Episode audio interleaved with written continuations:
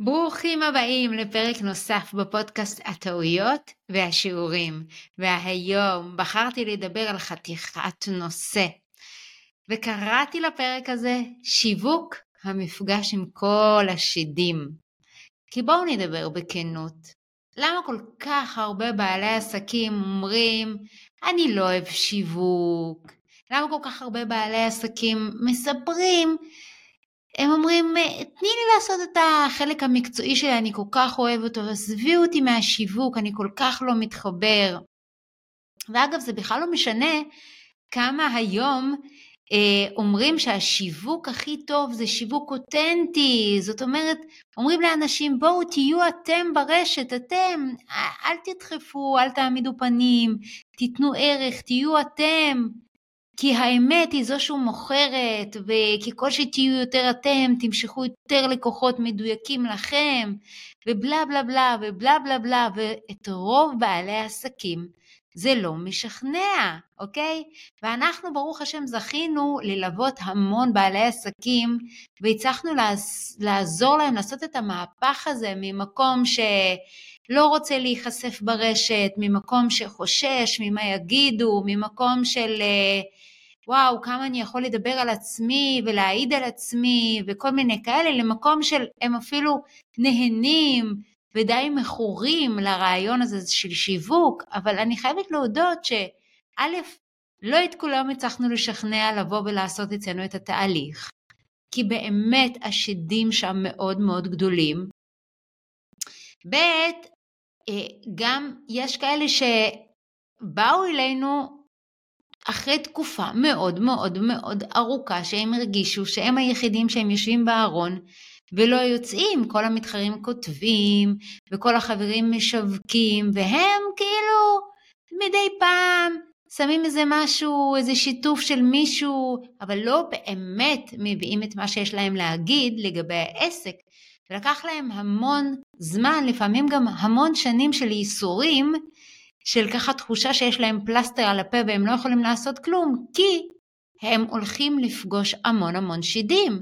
וכן, יש גם את אלה שבאו ולמדו ועשו, ובאמת השקיעו הרבה רק כדי בסוף לבוא ולהגיד שזה חד משמעית לא עבורם. עכשיו בואו נבין מה, מה שם לא עבורם ברוב הגדול של המקרים, כן? מה שלא עבורם בשיווק זה באמת המפגש עם כל השדים. ובואו נבין איזה שדים אנחנו פוגשים כשאנחנו משווקים. בואו ניגע בשד הראשון, לא בהכרח שהוא הכי חשוב, פשוט הוא הראשון שעולה לי, והוא להגיד לכולם, בעצם כשאנחנו משווקים, וכשאנחנו משווקים ברשת, כשזה לא איזה אתר שכתבנו ומי בכלל נכנס אליו, אלא שיווק כזה יומיומי ברשת, בעצם ברמה יומיומית אנחנו צריכים להכריז בפרהסיה ולהגיד, אני טוב, אני טוב במה שאני עושה, אני טוב, תבואו אליי, אני, יש לי פתרון עבורכם, כן? וזה מסובך.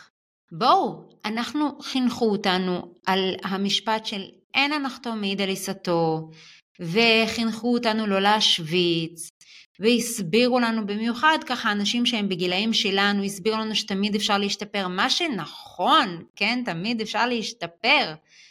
וככה כהצצה דווקא לספר התניא של האדמו"ר הזקן, אנחנו מבינים שלנפש שלנו יש שלושה לבושים, מחשבה, דיבור ומעשה. זאת אומרת, כדי שאני אגיד את הדבר הזה, שאני טוב, לא משנה באיזה מילים וסיפורים אותנטיים אני אעטוף את זה, אבל בגדול השיווק שלנו, המטרה שלו זה להסביר לאנשים שאנחנו טובים ושכדאי לבוא אלינו.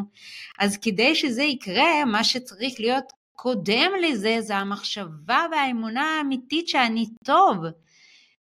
וכאן אנחנו מסתבכים, אנחנו מסתבכים עם זה כי אנחנו יודעים, במיוחד הטובים שבינינו, הלומדים שבינינו, המתעמקים שבינינו, אנחנו יודעים שככל שאנחנו לומדים יותר, אנחנו מבינים כמה שאנחנו יודעים פחות, וכמה עוד יש לנו ללמוד, ואז קופצת לנו תסמונת המתחזה.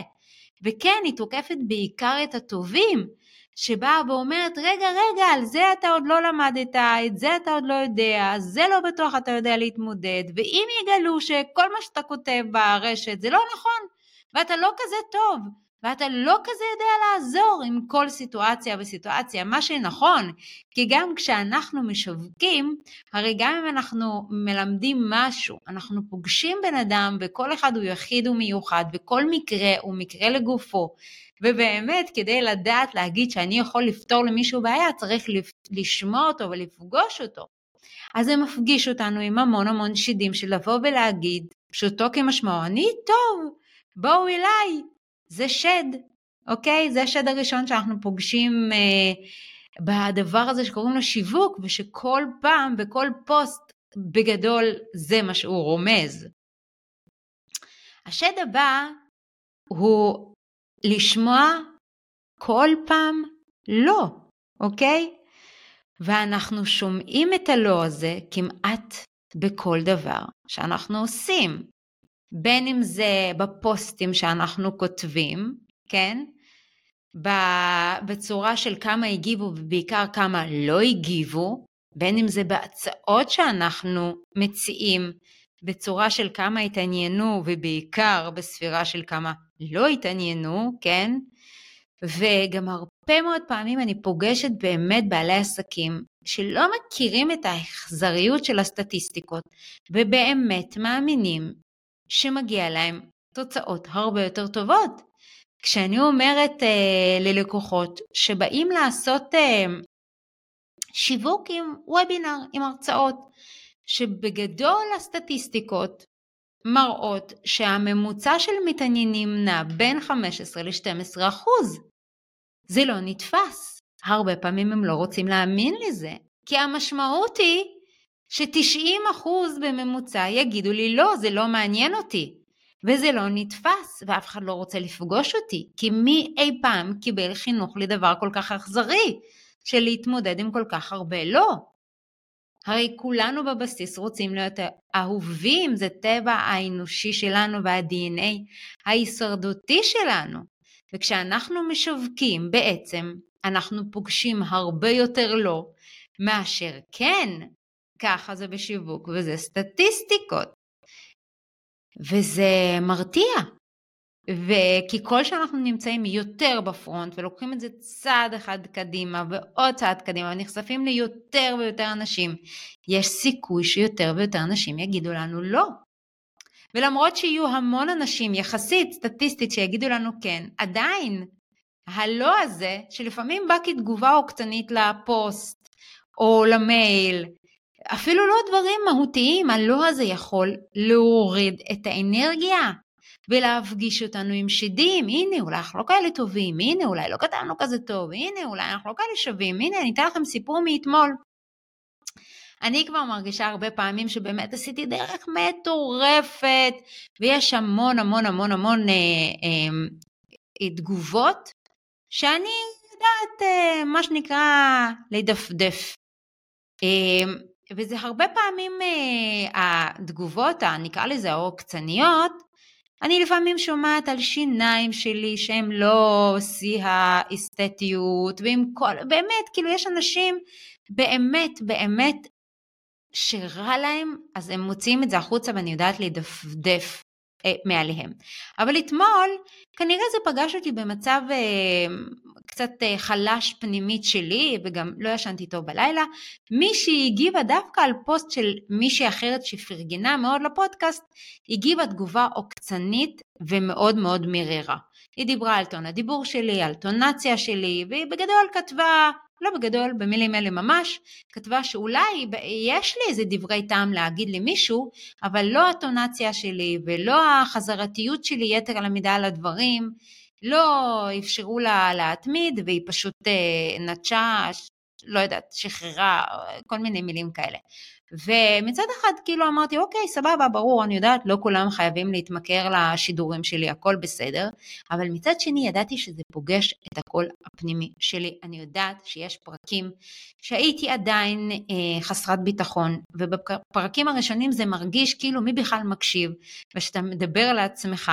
ויש לי פרקים שהטונציה שם היא לא מדויקת להאזנה. וזה פגש אותי. עכשיו, כשזה נמצא בינינו לבין עצמנו השיח הזה, זה טוב, זה לא טוב, אולי זה לא מדויק, נכון, זה לא היה כל כך מדויק, להקליט מחדש, לא להקליט מחדש, כשזה ביקורת שרצה אצלנו בפנים, בסדר גמור, אנחנו יכולים להתמודד איתה. אבל כשזה פוגש אותנו בחוץ, זה פוגש אותנו בצורה נורא לא נעימה. זה שד שאף אחד לא רוצה לפגוש אותו בחוץ, גם אם הוא מסתובב לנו בפנים. עכשיו, ככל שהמספרים האלה גדלים של האזנות וחשיפה ואנשים שאני מעבירה להם הרצאות, אז אני יכולה לפגוש יותר ויותר כאלה. ומי שלא מיומן, וגם מי שמיומן, זאת אומרת, אני לא יכולה להגיד שזה ממש עבר לגמרי לידי, והיום, אחרי שהתגובה של הבאה אתמול, כשהייתי צריכה להקליט את הפרק הזה, וואלה, לא הייתה לי מוטיבציה, אוקיי? לא הייתה לי מוטיבציה, וזה גם הפגיש אותי עם התלבטות מאוד מאוד אמיתית שלי, שבאמת אומרת שאני מתקדמת עם דברים גם אם הם לא מושלמים. אני תמיד אומרת לעצמי, זה לא יהיה מושלם, זה יהיה מושלם אם זה יהיה. אז ידעתי שיש פרקים לא מושלמים, וברגעים שהקלטתי אותם זה הכי טוב שיכולתי לעשות, ואמרתי לעצמי, זה לא מושלם, אבל מושלם שהקלטתי את זה, אבל זה עדיין פוגש אותי, וזה שד, למרות שהדוגמה הזאת זה של השד הפנימי האישי שלי, כולנו יכולים לפגוש אותו בחוץ כשמישהו מגיב לנו משהו והוא פשוט לא מסכים איתנו או יורד עלינו או עוקץ אותנו או מה שזה לא יהיה, זה שד שאם אנחנו לא נשווק ברשת, אנחנו לא נפגוש אותו. עכשיו, הרבה מאיתנו מפחדים מלפגוש את השד הזה דווקא מהקרובים לנו. מה יגידו לנו הקרובי משפחה? מה הם יגידו לנו מחוץ לפייסבוק? כמה אנחנו כותבים? למה אנחנו משווקים ככה? למה אנחנו נראים ככה? למה אנחנו מטפרים ככה? אני זוכרת שבעלי גם אמר לי, וזה דברים שנשארים איתי, שכאילו ברשת אני לא נראית, בהתחלה במיוחד, לא בדיוק נראית אני. וזה דברים שאנחנו לוקחים, זה שדים שכשאנחנו משווקים ברמה יומיומית, אנחנו פוגשים ברמה יומיומית. שלא נדבר על השד הזה של להתמיד, וזה השד השלישי שאנחנו פוגשים, שזה להתמיד עם משהו שהוא לגמרי יציאה מאזור הנוחות. זה לא קל. נכון, לכתוב פעם אחת פוסט כזה שמפגיש אותנו עם פחדים, בסדר. לעשות את זה פעם בחודש, בסדר. לעשות את זה יום-יום? ככה לפגוש את השדים האלה של חשיפה, של התגובות, של מה יגידו, של המחשבות. לא קל בכלל. אם אני, אני במקרה מאוד אוהבת שיווק, כן? מין תכונה מזוכיסטית שכזו כנראה, אבל אם אני ככה אמחיש את זה לעצמי בתחומים אחרים בחיי, כמו ספורט, כמו תזונה בריאה, כמו היגיינת שינה, כן, אני... זה משהו שהוא מבחינתי צריך לצאת מאזור הנוחות בצורה יומיומית, וזה לא פשוט. וזה עוד דברים שהם ביני לביני, לא מערבים את הסביבה. אבל זה לא פשוט להתמיד במשימות שהן לגמרי יציאה מאזור הנוחות.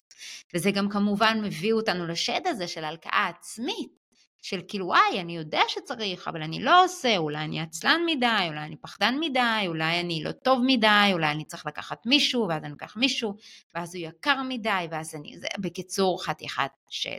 בואו נתקדם משד הבא, אוקיי, עשינו, שיח, עשינו שיווק והגיעו לנו מתעניינים ויש שיחות מכירה ווואלה, אנחנו פתאום שומעים הרבה אנשים שמדברים איתנו, אומרים לנו, אני צריך לחשוב על זה, אתה יקר לי, דיברתי עם בעלי והחלטנו שלא, זה שוב מפגיש אותי עם הרבה שדים. זאת אומרת, אחד על אחד אנחנו עוד איכשהו יכולים לעשות את זה, והרבה מאיתנו אומרים, רק כשיבואו השיחות, אני אתמודד עם הלא הזה.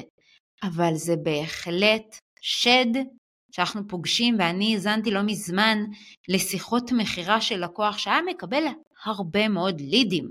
זאת אומרת, אנחנו עזרנו לו להקים קמפיינים, ליווינו אותו, ראינו שהוא מקבל הרבה לידים, הוא היה אומר, הלידים טובים, זה לא לידים לא טובים, זה בעלי עסקים מהסוג שהוא היה רוצה, הם מדברים לעניין, הם מתעניינים, אבל לא סוגרים. אמרתי לו, חבר, אני רוצה לשמוע את השיחות מכירה. ואז שמעתי שבתירוץ הקטנטן הראשון שהם אומרים לו שאולי זה לא יתאים, הוא סוגר את השיחה, ממש מקפל אותה, אומר בסדר גמור אז אני אשלח לך הצעה במייל, שיהיה לך חומרים לחשוב עליהם, ואם זה יהיה רלוונטי אני אשמח שתחזור אליי, תעדכן אותי, טטי טטה טטה. אמרתי לו תגיד, מה אם תיקח את השיחה הזאת כמה צעדים קדימה ותגיע למצב שהם אומרים לך לא, לא השתכנעתי ואתה לא מתאים לי, ככה לפנים. אוקיי, בדרך כלל אנשים לא אומרים את זה, אבל נניח, כי הרבה פעמים זה פחד שמנהל אותנו, במיוחד אנשים שלא הולכים בשיחת מכירה ולא מתקדמים, מה שנקרא, עד הסוף, אלא שומעים איזה תירוץ כזה של אני צריך לחשוב על זה, או יקר לי, ואז אומרים בסדר גמור, אז בוא נהיה בקשר. זה נקרא ממש אה, אה, לוותר כזה באמצע השיחה. ואז זה נתן לו נקודה למחשבה, כי זה באמת שד שאנחנו לא רוצים לפגוש אותו, אף אחד לא רוצה לשמוע לו, אבל בשיווק זה חלק מכללי המשחק. ובואו נדבר על השדון האחרון והחביב, או אולי אה, חביב קצת פחות, הכסף, כן? כמה אני שווה? כמה שווה השירות שלי? כמה הזמן שלי שווה? כמה אני רוצה לקחת וכמה מוכנים לשלם לי. זה חלק מהשיווק, זה חתיכת שד, לא? המון פעמים אני רואה בעלי עסקים שמבינים, הם מבינים שהם צריכים לגבות יותר, למה?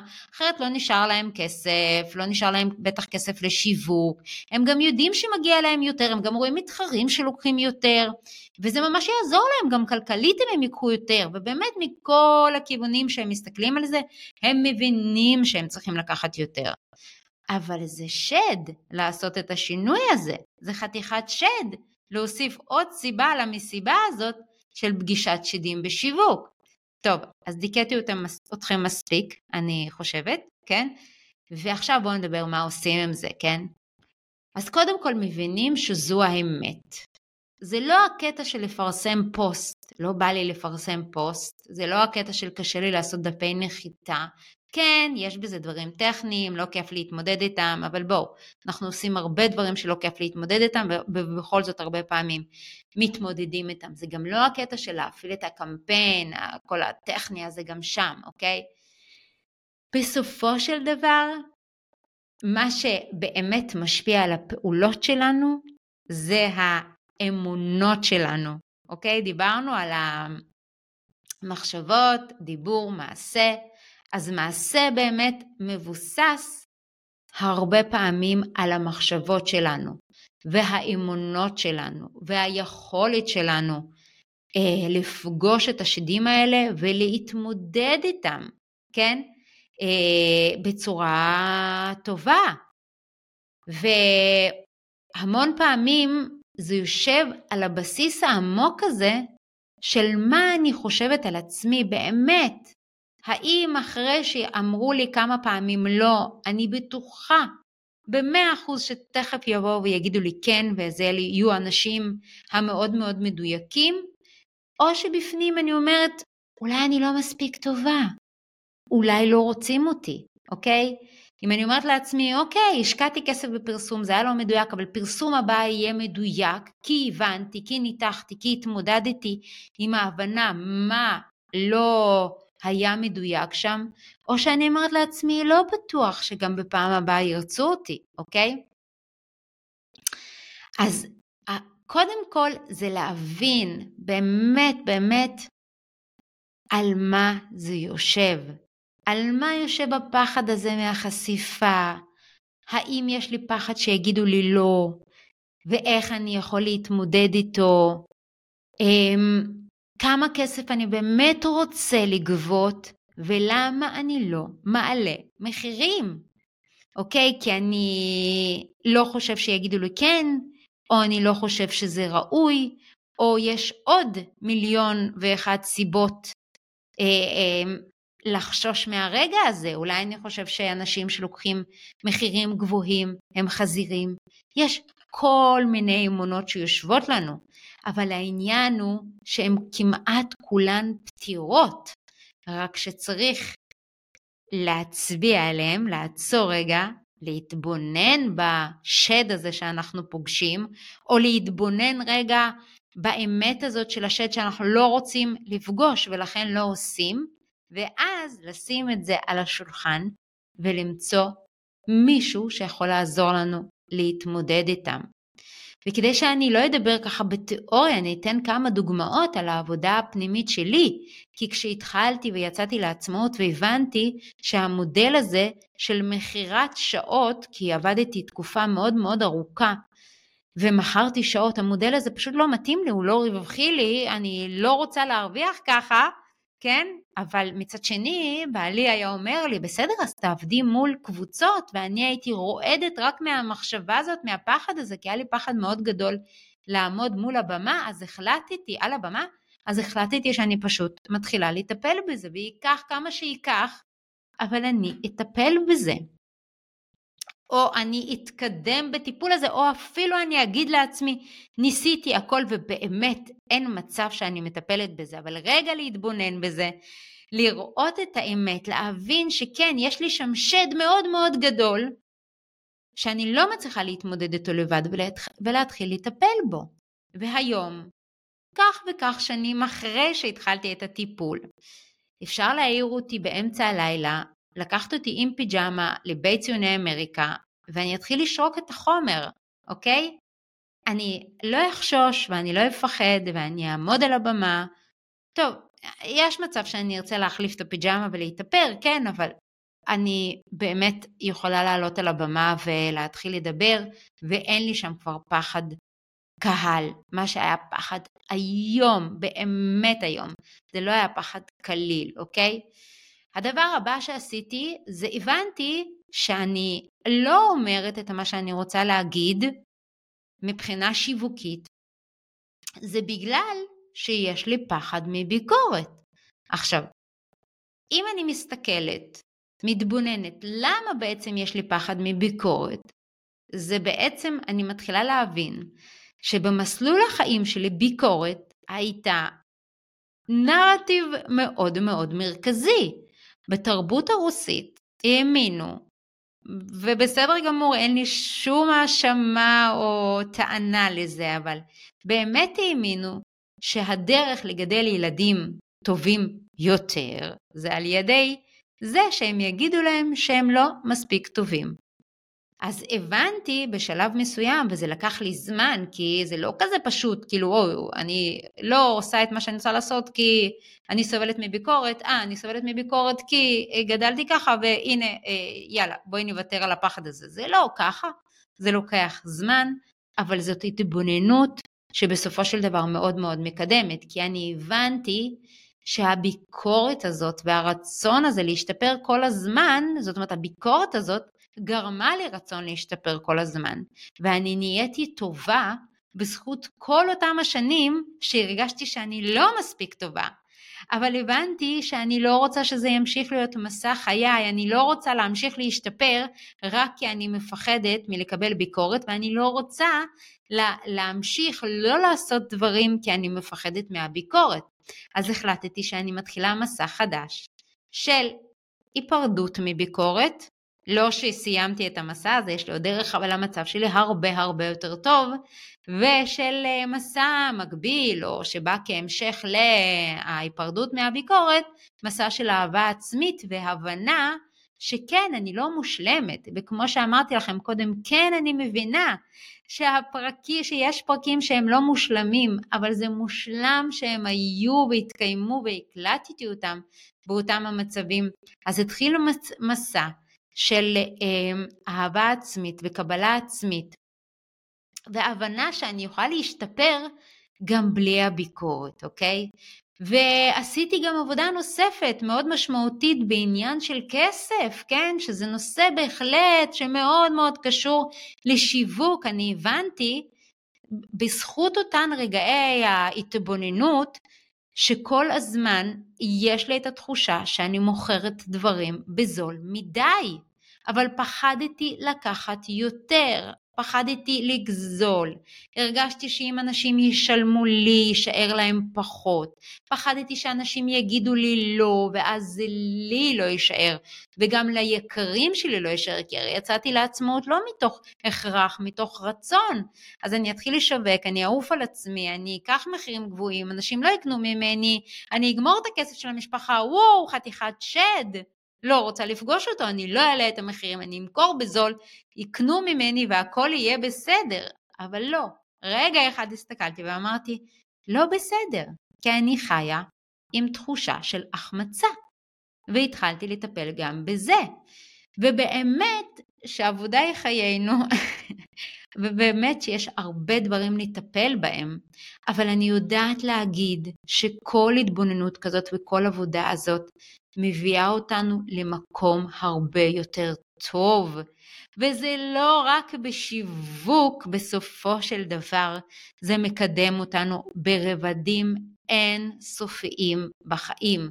ואם אני מסתכלת ככה על המסע שלי, אז אני יודעת להגיד שעשיתי דרך, אני אוכל לדבר מול קהל, מה שפעם היה בלתי נתפס. אני העליתי את המחירים בצורה מאוד משמעותית, מה שפעם היה פחד מאוד מאוד גדול. וכן, אני יודעת לקבל ביקורת, בין אם היא אה, מוצדקת לבין אם הם לא, ולקום בבוקר ולהקליט פרק נוסף, אוקיי? אז חברים, נכון, שיווק מפגיש אותנו עם המון שדים, אבל הם לא בלתי פתירים.